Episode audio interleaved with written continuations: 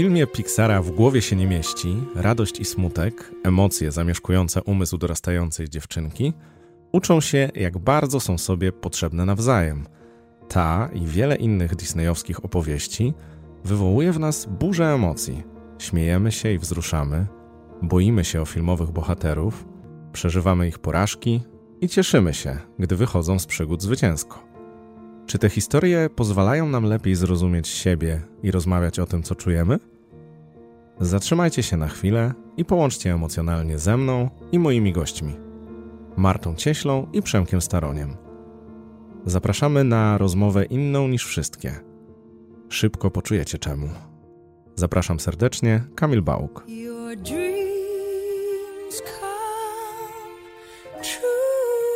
Słuchacie Disney 100 oficjalnego podcastu stulecia Disneya.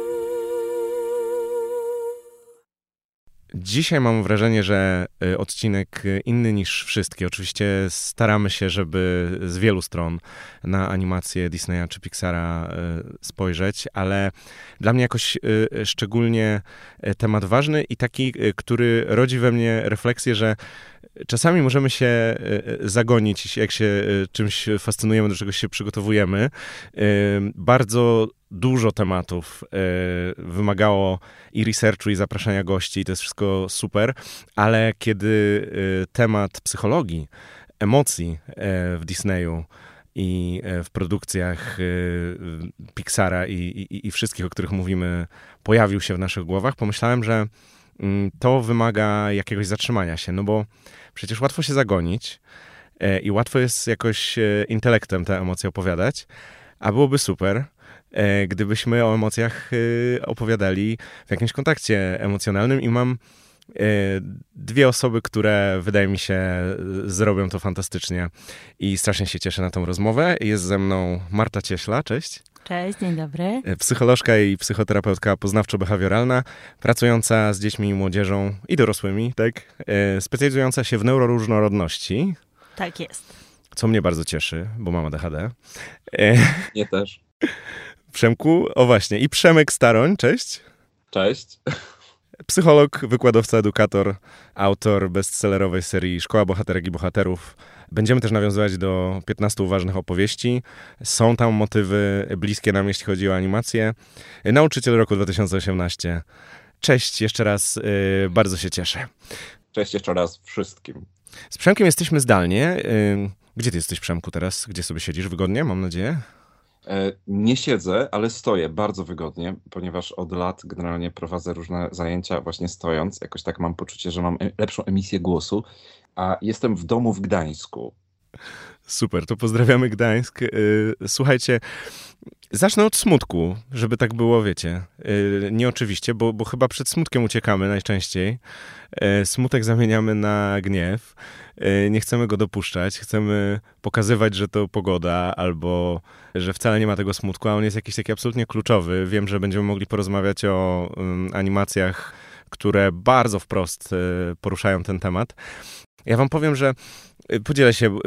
Y, wczoraj, tak jak zwykle, przed y, każdym z naszych odcinków, dzwoniąc do gości, którzy będą kolejnego dnia, co jakoś zawsze mi pomaga złapać, o czym będziemy rozmawiać z kimś, na taką mnie wzięliście huśtawkę, może huśtawkę, no dwie skrajności emocjonalne. To znaczy, zadzwoniłem najpierw do Przemka, zrozumieliśmy się, mam wrażenie, bardzo dobrze, jakoś, jakoś nie trzeba było dużo tłumaczyć i no ja czułem radość ewidentnie, jak mam emocjonalnie powiedzieć, y, w tym patrzeniu na, na to, jak, y, jak Przemek o tych emocjach opowiada. Po czym parę godzin później, w międzyczasie miałem, miałem jakąś taką emocjonalną sytuację, zadzwoniłem do Marty, która o Królu Lwie mi opowiedziała i o smutku tam, no i poczułem wielki, wielki smutek i on ze mną był do końca, ale był taki jakiś bardzo głęboki. Od tego bym zaczął, bo Marta, słuchaj, powiedziałaś o Królu Lwie, e, że w Królu Lwie widzimy, że smutek e, kieruje nas ku stadu i nie mogłem aż zasnąć od tego zdania. Opowiedz o tym. Tak, bo myślimy sobie często o tym smutku, że w ogóle po co on jest po co on jest i w ogóle o co chodzi z tym smutkiem. I ja sobie tak lubię o tej emocji bardzo myśleć. I tak oglądałam tego Króla Lwa i, i tam jest taka przejmująca scena. na pustyni, zupełnie wycieńczony, leży sobie biedny mały Simba. E, latają nad nimi sępy. Smutek niesamowity, rozdziera serce każdego oglądającego. I nagle wpada Timon i Pumba i lecą. Znajdują go, dyskutują nad nim, o co tam chodzi, w ogóle bierzemy go, nie bierzemy, no daj spokój, przecież to jest lew, lwa będziesz brał, zwariowałeś i tam jest cała taka dyskusja wokół tego. I ten biedny Simba otwiera oczy i jest takim przemożnym smutkiem i zadają mu takie pytanie, słuchaj, w ogóle możemy ci pomóc? I ten Simba mówi, nie, wiesz, nikt nie może im pomóc, bo nikt nie może zmienić przyszłości. I oni mówią, ale co się wydarzyło, co się stało? Mówi, wiesz co, ja zrobiłem coś okropnego. I tak myślał, myślał, myślał i mówił, wiesz co, skoro zrobiłeś coś okropnego, to trzeba to wziąć i rzucić w przeszłość, w przyszłość, w przeszłość. Tam chwila decyzji, czy to jednak przeszłość, czy przyszłość. I, I taki wniosek jest tego, słuchaj, złe rzeczy się zdarzają.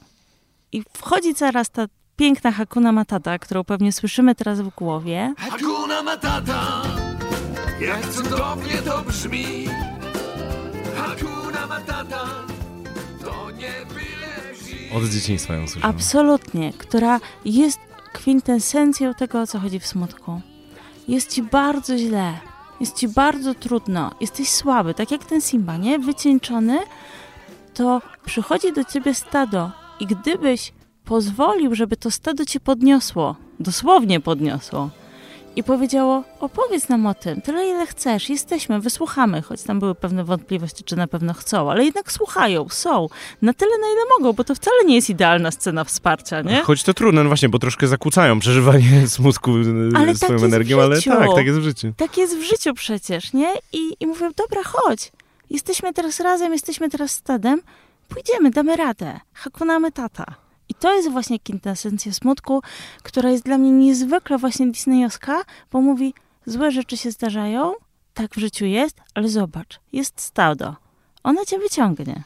Super. E, Przemku, z dzieciństwa Król Lew, czy, czy później y, oglądałeś y, ileś tam razy? Bo to, bo to każdy ma swoją historię z Królem Lwem. Było oczywiście w dzieciństwie, wtedy kiedy zbierałem jeszcze karteczki. E, Och, ja też. Ja. No. Och, do, a odkryłem w przedszkolu, y, jak działa w ogóle jak działa życie, kiedy się okazało, że, że jak się w kieszeni długo trzyma karteczkę, to ona od tego ciepła się rozpada i straciłem kiedyś taką karteczkę właśnie z Królem Lwem, także totalnie, totalnie. To był ja miałem bardzo podobnie. Strata. Może nie w kieszeni, ale też pamiętam właśnie straciłem karteczkę z Królem Lwem i bardzo było mi z tego powodu źle, dlatego że ten film wtedy był naprawdę czymś takim bardzo dużym e, w rozumieniu społecznym, w rozumieniu też emocjonalnym dla mnie. I to, o czym mówi Marta, to jest w ogóle petarda z tego względu, że rzeczywiście mm, ja miałem takie wtedy intuicyjne rozumienie tego, że no, smutek kieruje nas po prostu ku innym. I mam takie wrażenie, że to się bardzo, bardzo wiąże e, z tym, co kiedyś usłyszałem od swojej terapeutki, co pozwoliło mi na smutek spojrzeć, y, no myślę, że z takiej chyba najlepszej perspektywy, mm, przynajmniej spośród wszystkich możliwych perspektyw, które poznałem w życiu, że smutek jest konsekwencją naszej zdolności do kochania, e, do przywiązywania się i jest po prostu informacją, że to, co jest dla nas ważne, e, jest przez nas tracone albo utracone. I w gruncie rzeczy paradoksalnie właśnie on jest takim pomostem, taką trampoliną do tego, żebyśmy poszli ku tworzeniu więzi, ku relacjom, czyli właśnie ku temu stadu. I to jest taka moja myśl, nie będę tutaj przywoływał jeszcze na razie żadnej innej animacji, ale bardzo mi się po prostu to, co powiedziała Marta w kontekście Króla Lwa, jakby zgadza na maksa z tym właśnie, co ja przeżyłem w kontekście tego filmu i także później jako człowiek na własnej psychoterapii. Tak, ja, we mnie też to rezonuje. Myślę sobie, że tych y, strat w dzieciństwie jest sporo. Y, y, nawet takich właśnie, że animacja się kończy, albo jakiś przedmiot związany ginie, albo ulubiona maskotka jest nie do znalezienia i, i tego wszystkiego doświadczamy. No i szczególnie już, już w naszym pokoleniu i każdym młodszym to, to towarzyszą nam te animacje. A mnie ciekawiło, Marta, smutek zawsze wiąże się ze stratą, tak? Tak. Generalnie smutek jest czymś, co mówi nam, że jest strata w bardzo szerokim znaczeniu. E, chcę wyjść na spacer, pada deszcz. Mm, smuteczek, nie? Ale tracę relacje, tracę wyobrażenie. To może być trata nawet swojej myśli, nie? Kim ja jestem, kim będę i widzę siebie jakoś nie tak, bo rozczarowanie też jest e, stratą. Więc smutek to jest taka fantastyczna emocja, którą ja bardzo szanuję, bo on robi tak. Dobra, musisz się zatrzymać, żeby przetworzyć to, żeby pomyśleć, żeby zobaczyć. Ale ty biegniesz w życiu, więc ja ci zabiorę energię. Mm.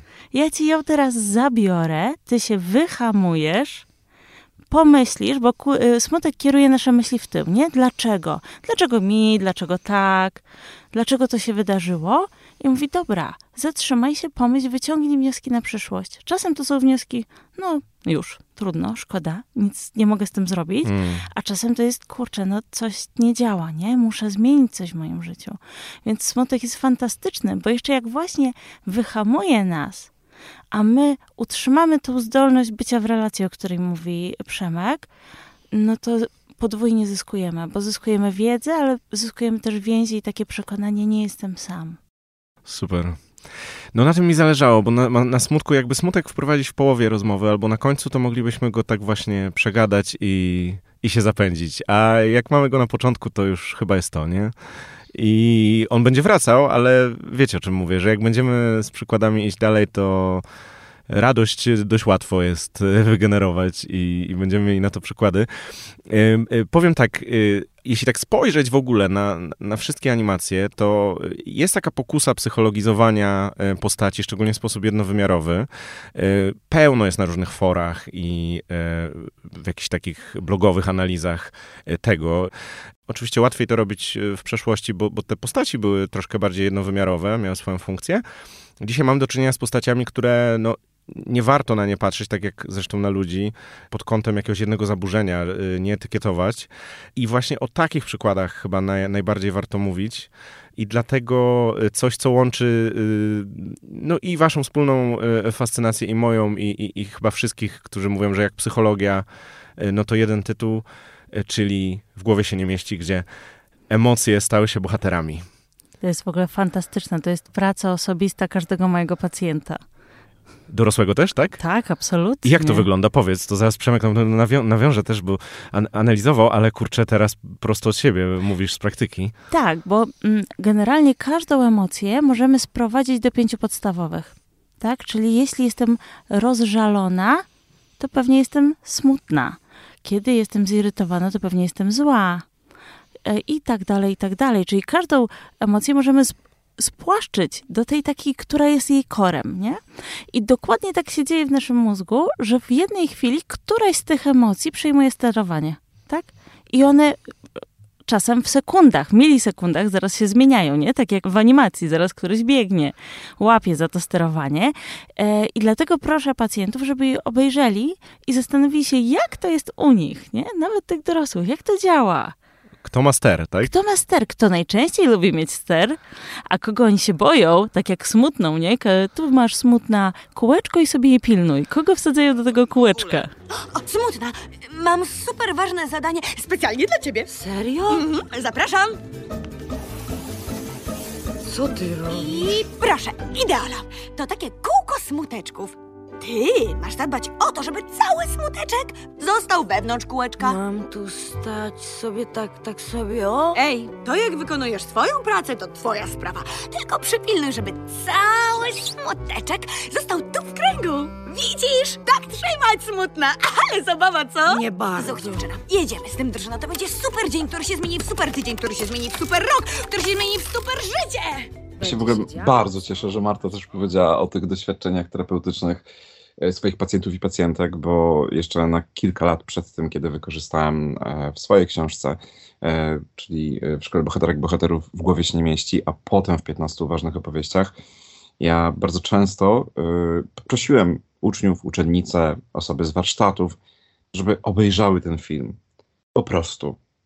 I niesamowite jest to, że każdy, kto wracał po obejrzeniu tego filmu, sprawiał takie wrażenie, jakby można powiedzieć, był już po jakimś podstawowym kursie psychologii. I to Mhm. jest zresztą najpiękniejsze w opowieściach, e, w baśniach, w różnych formach metafor, że one nie robią nam wykładów, tylko one w jakiś taki po prostu sposób działają, taki docierający do głębi, a jeżeli są dobrze zrobione, merytorycznie, a wiemy, że w głowie się nie mieści, naprawdę powstało pod okiem bardzo wielu neuropsychologów, neuropsycholożek, no to możemy mieć jeszcze takie poczucie, że możemy się z tego dużo nauczyć. I w głowie się nie mieści jest właśnie takim filmem, który e, w kontekście tego, co wy przed chwilą mm, mówiliście, e, on jakby bierze emocje tak totalnie na tapet, tak explicite mówi o emocjach. No, Natomiast są bohaterami, tak. Disneya, nie? One są, one tak samo są o emocjach, tylko te emocje są implicite, one są po prostu częścią historii. I ja nie ukrywam, że mm, tak jak wszystkie te opowieści cudowne, wielkie, disneyowskie naprawdę mega działają, to tutaj to jeszcze tak jakby powiedzieć daje po głowie. Bo kiedy my widzimy bezpośrednio to, jak radość kompletnie, totalnie jest przekonana, że, że to ona tylko może zapewnić szczęście Riley, jak ona w pewnym momencie sobie uświadamia, no nie, no tym pomostem jest właśnie smutek do szczęścia, do relacji i tak dalej, no to my jakby tak w pełni, nie tylko tak metaforycznie, ale tak wprost dostajemy po prostu informację. Halo, chcesz być szczęśliwy? Chcesz być szczęśliwa? Przejdź przez drogę smutku.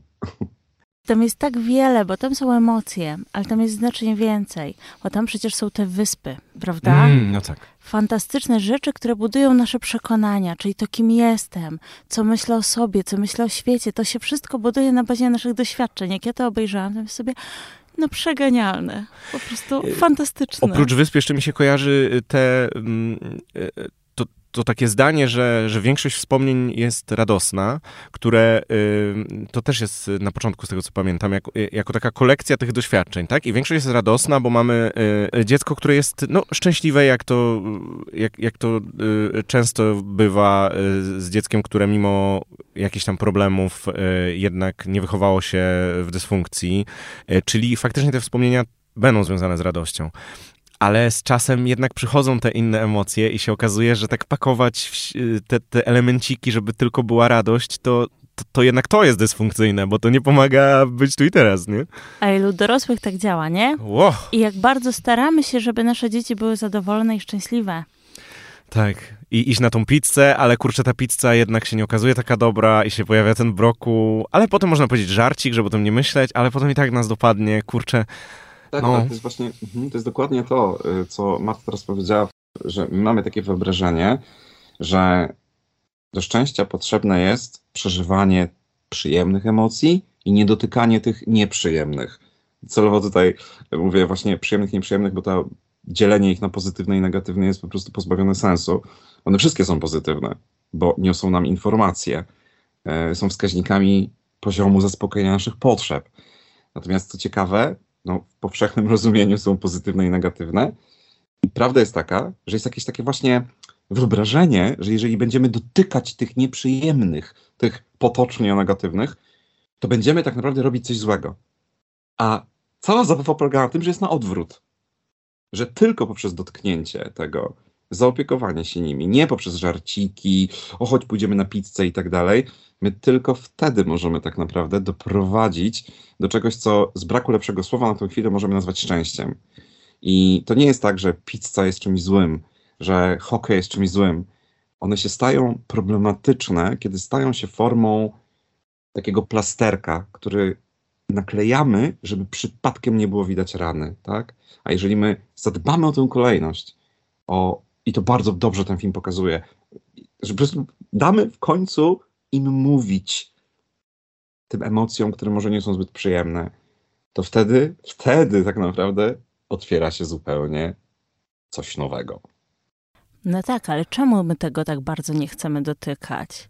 Co nam to każe? No lęk. No lęk. wchodzi cały na biało i mówi, nie, nie, nie możemy, nie, nie możemy, nie możemy czuć się smutni, źli, nie, nasze dzieci, nasi przyjaciele nie mogą czuć się nieszczęśliwi, nie? Musimy ich chronić, bo lęk to jest cudowna taka chroniąca emocja. Tak, no tak poza tym myślę sobie od razu, jeśli chodzi o to powstrzymywanie uczuć, czy jakieś podkładanie innych, y, typu właśnie, że zamiast smutku mamy złość, która się wiąże jakoś z lękiem.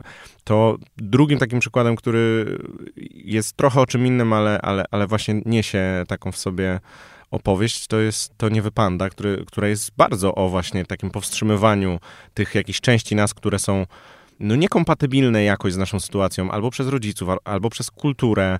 Ja akurat y, chyba wolę y, ten oryginalny tytuł Turning Red, y, bo on nie koncentruje się tak bardzo na, na tej trochę może jakiejś zabawne, ja nie wiem, czy o to chodzi, pandzie. Y, Turning Red to trudno to przetłumaczyć, bo panda ruda y, tak naprawdę po polsku była, y, więc, więc i tak wielki, wielki szacun dla tłumacza, jeśli chodzi o ten tytuł, ale o co, o co tam chodzi? Chodzi o to, że ta panda ruda czy czerwona, tak, to, to jest jakieś uczucie, które z nas wychodzi, zamieniamy się w coś. To jest coś, co jeśli będzie spychane, to i tak będzie nami tak dygotało, nie?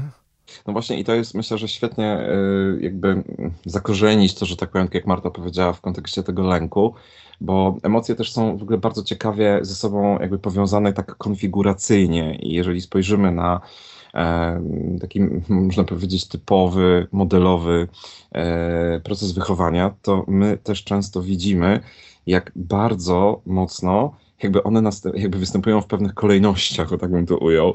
Czyli mamy właśnie ten lęk, który jest bardzo silnie wysycony społecznie i paradoksalnie właśnie ten tytuł polski bardzo dobrze to oddaje. To nie wypanda nie? Bo to jest to takie słynne coś, co my słyszymy, że to nie wypada. Jedna z naszych e, silverek, nie seniorek, silverek z Uniwersytetu Trzeciego Wieku i Zakonu Feniksa, babcia Bogusia, która jakby no zyskała, można powiedzieć, e, duży highlight, kiedy się pojawił z nią filmik, że jest 70-latką grającą na PlayStation. Ona kiedyś wprost e, powiedziała, że jak ona słyszy teksty, to nie wypada, to myśli sobie, że e, jedyne co nie wypada to sztuczna szczęka, jeżeli jest dobrze założona. I ona to bardzo często podkreśla cały czas i właśnie ja mam wrażenie, że ten tytuł dobrze to oddaje, że ten lęk tak naprawdę, on tkwi jakby w tych różnych takich społecznych aspektach i to staje się taką protoprzyczyną, która potem doprowadza właśnie do tego, co, co powiedziała Marta, że gdzieś tam my w pewnym momencie stwierdzamy, aha, to smutku też może nie, nie warto czuć i tak dalej. Jest tam taka scena, która mnie tak bardzo przejmuje jak ta mama się już dowiaduje, że ona jest tą pandą i dają jej ten pusty pokój, żeby ona mm. tą pandę oswoiła. Tak. I to jest takie przejmujące, bo to jest dokładnie odwrotnie jak w świecie, tak?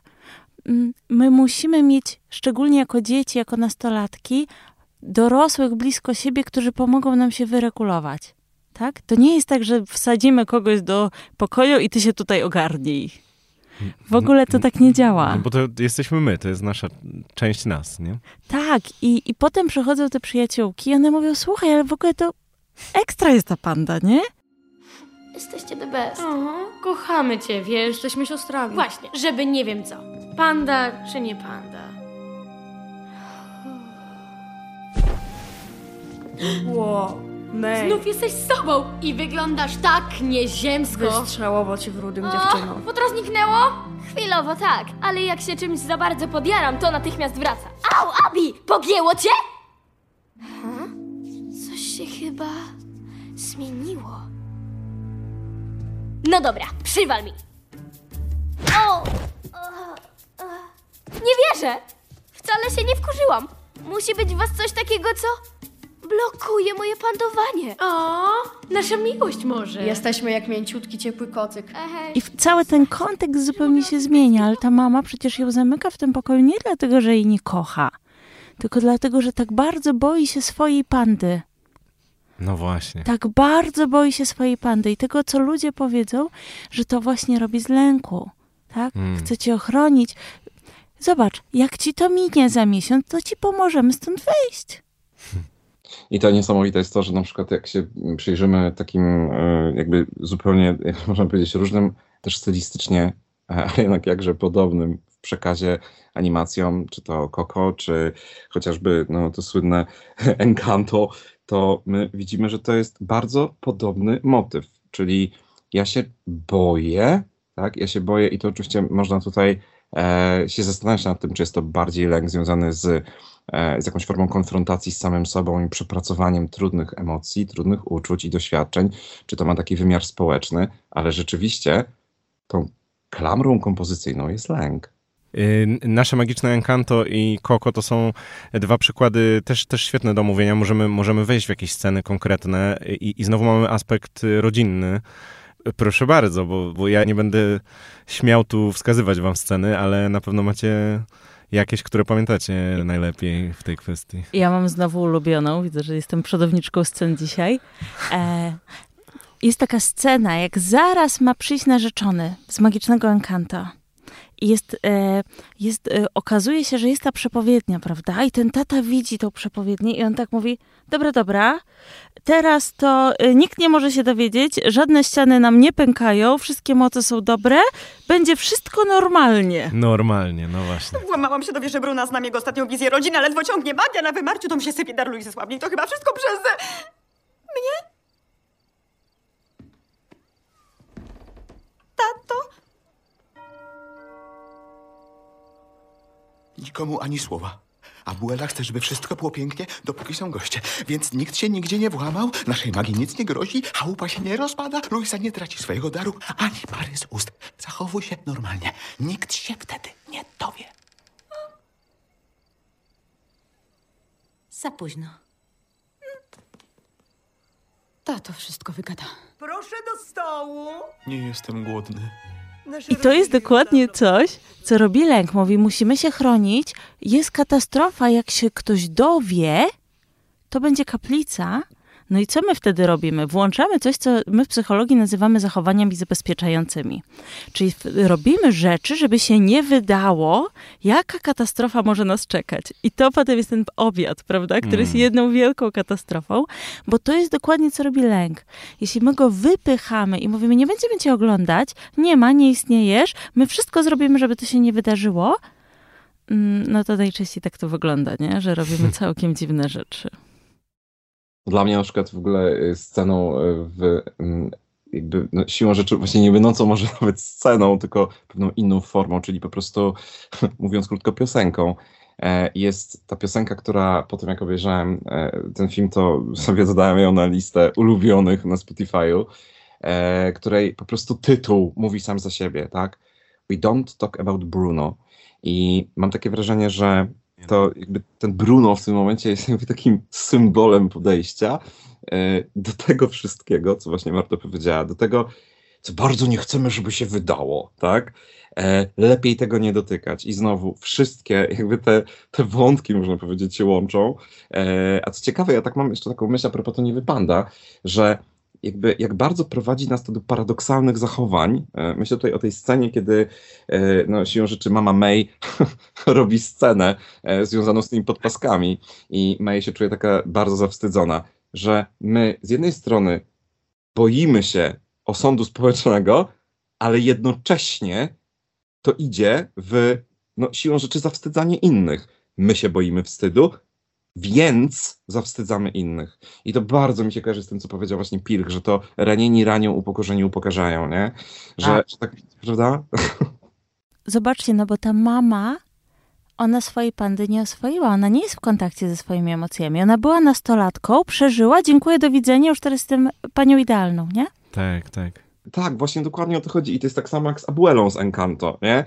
Że ja po prostu mam takie poczucie, że to jest tak silny, nieprzepracowany ból i wszelkie te takie meta-emocje, które się wokół tego gdzieś tam narodziły, e, poczucie winy też i kurczę, jakby znowu okazuje się, że wszystkie te filmy są połączone taką nicią, nie? Ej, jeżeli uciekasz od swoich emocji, no to albo wybuchnie wielka panda, albo rozwali się magiczny dom i tak dalej. Tak, nieprzepracowana panda kogoś może ym, tak naprawdę kierować jakiś rodzaj ataku na, na tą pandę, która tak naprawdę w, w młodszym pokoleniu powinna być oswojona i jest częścią. Tak, bo taka była jej rola. Jej rola przecież była rolą chroniącą, czyli to, co mówi złość. Są granice, stop, nie zgadzam się, nie możesz tu wejść, tak? Bo po to się pa- ta panda pojawiła w trakcie wojny, żeby chronić tych, którzy są najważniejsi. I to jest dokładnie złość. I ta mama przecież dokładnie chce ją chronić. No właśnie, tak jak Przemek mówił. Tak, nie Super. ma złej intencji, nie? No nie ma, nie ma oczywiście, bo to wszystko jest z, z miłości, z troski, yy, tylko że w, pewnych ograniczeniach. Yy, to mi przypomina, od, od razu opowiem, bo, bo, bo tu każdemu polecam y, dwie animacje, jeśli chodzi o te krótkie animacje, które też można zobaczyć na Disney Plusie. I chodzi mi tu o wzloty i o głębie. Y, to są dwie animacje. Jedna opowiada y, wprost o autyzmie i o takich naprawdę bardzo, bardzo trudnych kontaktach, y, kiedy po prostu bariera komunikacyjna jest bardzo duża, ale te wzloty, bo to była głębia, wzloty pokazują właśnie dokładnie taki mechanizm, kiedy rodzic bardzo chciałby pomóc i niszczy go to, że nie jest w stanie zaakceptować czegoś. Wzloty dla mnie to jest metafora w ogóle neuroróżnorodności. Y, autor y, sam ma dziecko z autyzmem, więc to nie jest nieuprawnione, też dedykuję mu. We wzlotach mamy coś takiego, że dziecko lewituje od małego, co powoduje dziwne reakcje otoczenia. Inni rodzice pokazują go, y, palcami. Y, nie jest dostosowany ten jego synek do, do społeczeństwa. Y, na początku próbuje to jakoś powstrzymywać. Y, kiedy dziecko leci do, do tych innych dzieci, to, to on udaje, że ono wcale y, nie lewituje. Y, potem przenosimy się parę lat później, kiedy on już chodzi, ale wciąż to lewitowanie mu zostało i mamy takiego strasznie zmęczonego ojca, który widać, że po prostu bardzo ciężko to przeżywa. Mamy takie patenty, czyli ten synek ma kamienie w plecaku, jest na smyczy, żeby tylko nie lewitował. E, I taki moment, który mnie strasznie mnie wzruszył, że trzyma dmuchawca i dmucha go tak radośnie. Ojciec go na tej smyczy dalej trzyma i ten dmuchawiec właśnie leci. I, on, i widać, że on się cieszy tym, że zobaczył, że, że coś też tak działa jak on, że ten dmuchawiec właśnie też tak leci. No a ta radość jest skrócona tym, że ten ojciec taki strasznie zdenerwowany na tej smyczy go y, ściąga. Ostatecznie y, muszą razem y, pochuśtać się na huśtawce, żeby to się skończyło, ale, ale ten ojciec z tą jego twarzą właśnie dla mnie jest taką wielką metaforą e, rodzica, który chciałby, żeby jego dziecko było normalne, a jeszcze nie widzi, że, że być może właśnie to jest piękne, że jego dziecko y, jest, nie mieści się w tych ramkach klasycznych. To, Marta, wydaje mi się, że ty, że ty bardzo często y, takie tematy musisz y, poruszać w swoim życiu zawodowym. Tak, bo my, nie ma się co dziwić, że to budzi lęk. Bo lęk budzi często to, co jest nieznane, to, co jest niewidoczne. Im mniej wiemy i mniej widzimy, tym bardziej się boimy. A już taki bardzo pierwotny lęk, w naszych mózgach cały czas istotny, to to, że stado nas odrzuci. No czemu mm. ten tata to robi? No, że jak on będzie lewitował, to go stado odrzuci, nie? No bo jest dziwny. Bo jest dziwny, bo jest inny. Nie jest normalny. A przecież stadu służy to, żeby byli różni. Tak? To Tylko nas to ubogaca. trzeba zrozumieć. No bo przecież mówi się, że, że jest jakaś... presja taka plemienna, nie? Stadna, myślenie stadne przecież się mówi. A faktycznie każdy w stadzie, jedni y, siedzą w nocy, y, żeby bronić albo na polowanie wychodzą, inni podtrzymują ognisko, bo się w takim czymś specjalizują, nie? I właśnie w tamtym przykładzie dla mnie, dla mnie najprościej jest powiedzieć i, i mówię to jako właśnie osoba neuroróżnorodna i bardzo dużo mam takich dyskusji, przemyśleń. Kurczę, rozumiem, że społeczeństwo może widzieć, że coś jest niewygodne, ale tak poza tym to to dziecko umie latać to naprawdę jest zasób, który y, jeśli będzie, y, jeśli znajdzie na to funkcję, to to jest niesamowita też y, wartość i to może być jakaś specjalizacja, tak? Jeśli, jeśli mamy ADHD, jeśli jesteśmy w spektrum, to możemy znaleźć po prostu jakieś takie konteksty życia, w których fantastycznie się odnajdziemy i, i będziemy dawać dobre emocje też innym, nie? Tylko żeby te ramy nas nie wciskać.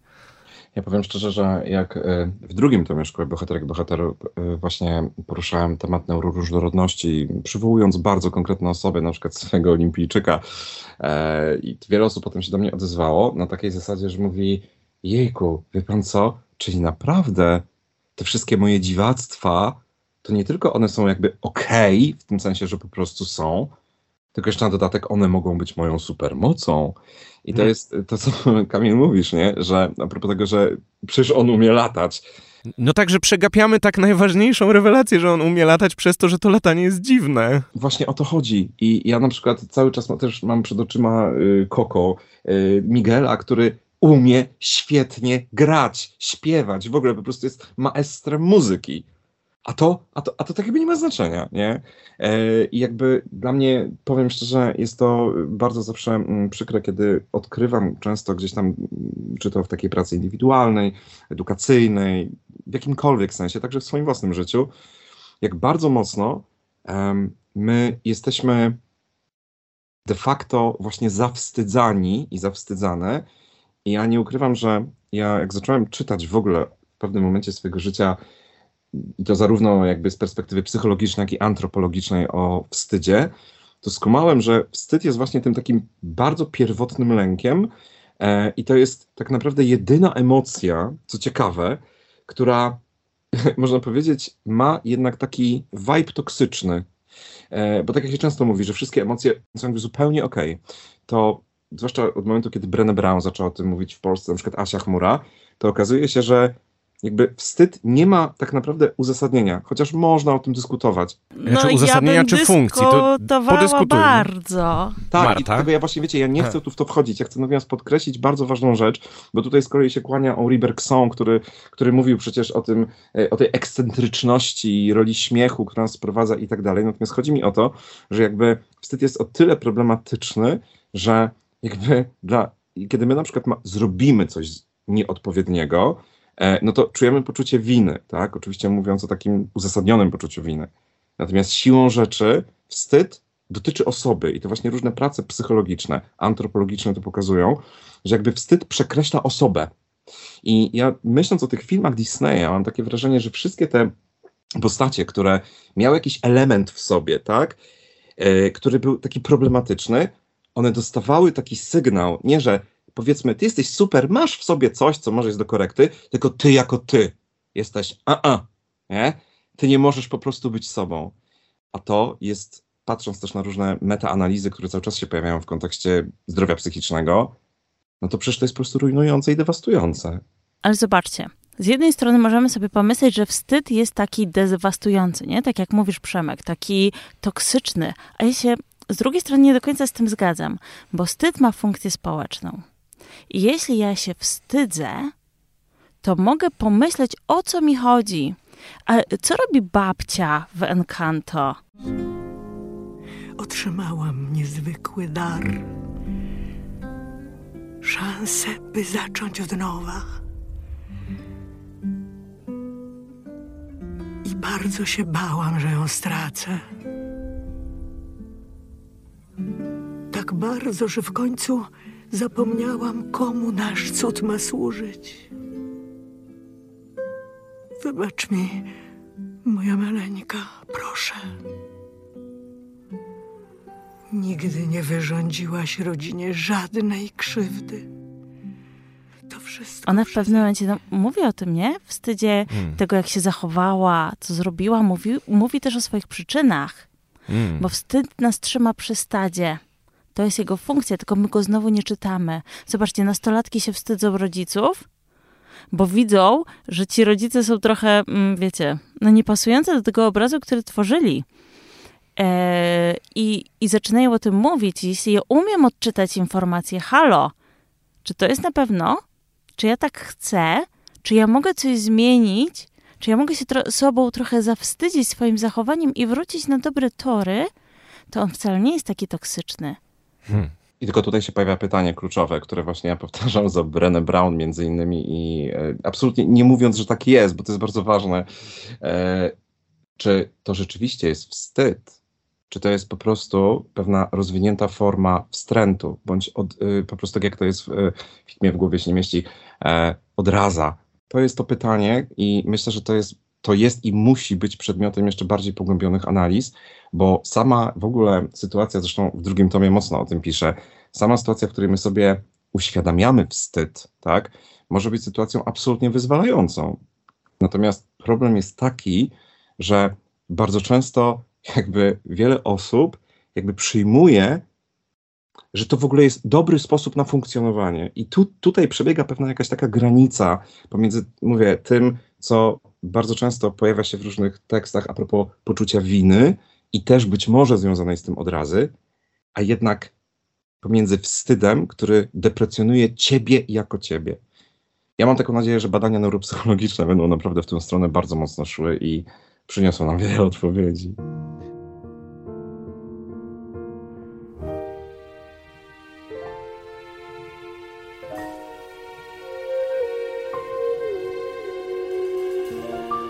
Ja tak na koniec bym chciał y, od was się dowiedzieć, jak wy y, w swojej pracy, częściowo już Marta mówiła, częściowo w sumie Przemek też, ale jakbyście mieli powiedzieć, dlaczego teksty kultury, jakimi są y, animacje, szczególnie w pracy z młodymi ludźmi i z dziećmi, dlaczego to jest właśnie ten bardzo dobry pomost komunikacyjny? Bo oczywiście jest takie pytanie, czy czy na pewno przeżyjemy te emocje? Czy to nie jest zapośredniczone, że widzimy pewien przykład i możemy to sobie tak przemyśleć, że o tak jest, ale, ale jednak też przecież pamiętam od samego dzieciństwa, że na tym Królu Lwie e, płakałem, tak? Mm, gdzie jest ten złoty środek i dlaczego to pełni funkcje inne niż na przykład książka, niż na przykład wykład, e, czy po prostu rozmowa w trakcie na przykład terapii? Ja sobie myślę tak, że to ma bardzo wiele kawałków. Pierwszy kawałek, który ja uwielbiam, to jest modelowaniem. Czyli obserwuję, jak sobie radzą bohaterzy i przecież nie muszę sama czy sam robić różnych rzeczy, tylko mogę się uczyć poprzez to, że patrzę, jak ktoś robi, nie? I to, co jest niezwykle dla mnie wartościowe, to to, że ci bohaterzy często na początku są jacyś i to bardzo dalece od, od ideału, nie? Oni mają swoje wady. Na przykład Milo z Atlantydy. On biega za tymi profesorami, ma tą Atlantydę, chce o niej opowiadać, jechać i oni wręcz przed nim uciekają. No ale właśnie tacy my jesteśmy, nie? Tacy trochę kanciaści w tym swoim życiu i mamy mm. różne rzeczy. I, i, I oni mają tak samo. I kiedy im towarzyszymy, kiedy na nich patrzymy, kiedy przeżywamy, to mamy szansę spotkać się z tym, bo czasem może ja nie mam odwagi, ale jak sobie popatrzę, że on ma prawo na przeżywanie, czy ona, i ja tego doświadczę też w kinie siedząc, tak? I, I pomyślę i jakoś zarezonuje to we mnie, to często to jest więcej niż tysiąc słów, nie? Hmm. To jest takie okej, okay, zostaje to we mnie. I to jest, kurczę, taka wartość. E, ja myślę, że w ogóle mega ważne jest to, co powiedziałeś o tym takim e, przeintelektualizowaniu uczuć, bo odnoszę takie wrażenie, że to jest w ogóle coś, czego uczymy się przez całe życie, e, nawet jeżeli się mocno tym zajmujemy. I mam takie wrażenie, że książki, które cały czas uważam w ogóle, że są absolutnie mega ze względu na swoją strukturę, one zwiększają trochę ryzyko ze, względu na to, że e, sama jakby forma komunikatu słownego no po prostu na mocy faktu zwiększa ryzyko przeintelektualizowania i dojścia do takiego stanu, który e, myślę, że można nazwać też faktykiem określeniem negacja, czyli ja jestem na przykład świadom intelektualnie jakiejś emocji, ale jej nie przeżywam. Natomiast właśnie struktura jakby dzieła sztuki, którym jest film czy animacja, powoduje, że jakby to ryzyko jest zmniejszone. I co ważne, e, tutaj znowu, tak jak właśnie Marta powiedziała o tej kwestii stadności, myślę, że to jest bardzo jakby istotne, że my, jak przeżywamy wspólnie różne doświadczenia, to one często mają, mm, e, jakby to powiedzieć, większą moc. Co by nie mówić, rzadko się zdarza, żeby ludzie szli do jednego pomieszczenia i w tym jednym pomieszczeniu wspólnie czytali tą samą książkę i też w tym samym tempie zwłaszcza w sytuacji takiej, na przykład, którą jest y, no, chociażby seans kinowy, dochodzi jednak do czegoś takiego, no właśnie bardzo stadnego. I ja powiem szczerze, takim, zamknę to takim bardzo konkretnym przykładem, jakby właśnie z mojej praktyki.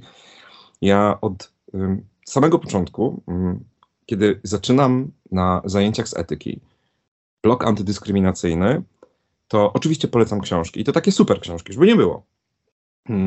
Natomiast to, co działa najbardziej, to są wspólne seanse. Czasami nawet uczniowie, uczennice mówią, ale to my możemy obejrzeć w domu. Ja mówię, no pewnie, że możecie. Ale gwarantuję wam, że ten wspólny seans, i robiłem to też w ramach edukacji zdalnej, wytworzy coś, czego nie da się opisać. Jakąś taką ciekawą więź kiedy, i, i obserwowanie siebie, na przykład kiedy się wzruszamy i tak dalej. I powiem szczerze, że mam jedno narzędzie właśnie Pixara. Jest to animacja Day and Night, która jest krótka, waląca po głowie na maksa i która powoduje, że najlepsze nawet argumenty, książki i tak dalej, one bledną przy tym doświadczeniu całej klasowej ekipy na przykład, która te kilka minut po prostu wspólnie obejrzy. Bardzo prostej animacji pokazującej, że wszystkie aspekty nas są dobre, ważne, potrzebne i piękne. Super. E, dzięki wam, ja mógłbym e, jeszcze parę godzin z wami. No, tak jak wam powiedziałem, wczoraj y, przeżyłem trochę radości y, z tobą, y, Przemek, i trochę smutku z tobą, Marta. Teraz nie wiem, to może tutaj specjalistka powie, bo jakieś takie wzruszenie, poruszenie, to na, na co rozbieramy na te podstawowe emocje? No musimy zobaczyć, co jest w myślach, co jest w ciele. no. no nie wiem, ja, no, ja mieszaninę radości, ale to przecież łzy też tam są. To... Mogą być. Może być wzruszenie, może być rozczulenie. Mhm. Bo radość to jest nie tylko przyjemność, ale to też robienie czegoś w zgodzie z naszymi wartościami, nie? To tak. jest ta druga noga. Ja zostaję z takim lękiem, niepokojem. Naprawdę? Tak, z takim, kurczę, faktycznie tak jest.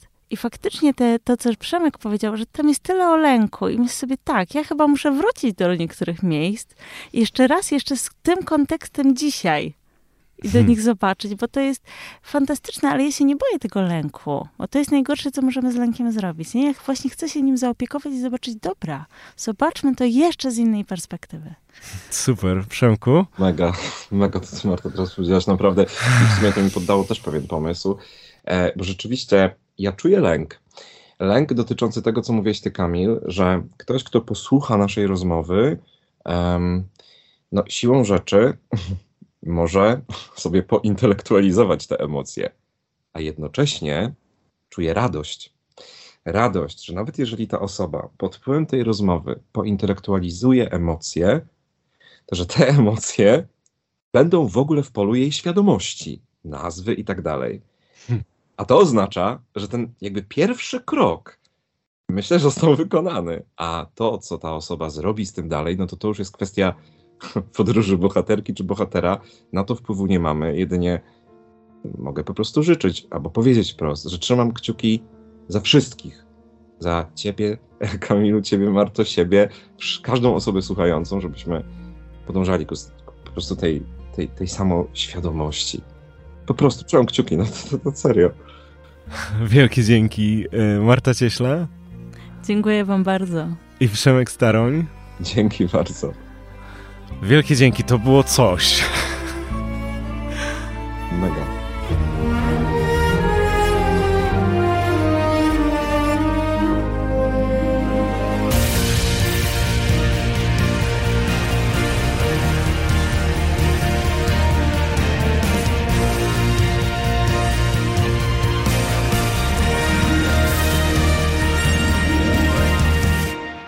A na koniec Wasze wspomnienia. Film Co w duszy gra tak mocno wpłynął na mnie emocjonalnie, bo od zawsze wątpię w swoją um, pewność siebie, wątpię w swoją wartość.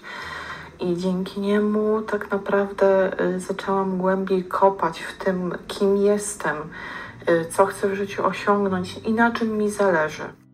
Tak naprawdę niedawno, bo 10 miesięcy temu, no, na świecie pojawiła się moja pierwsza córeczka i nie wyobrażam sobie, żeby w jej dzieciństwie zabrakło Disneya, Pixara, tej fantastycznej muzyki, tych wspaniałych emocji. To jest po prostu coś, co jest całe życie z nami.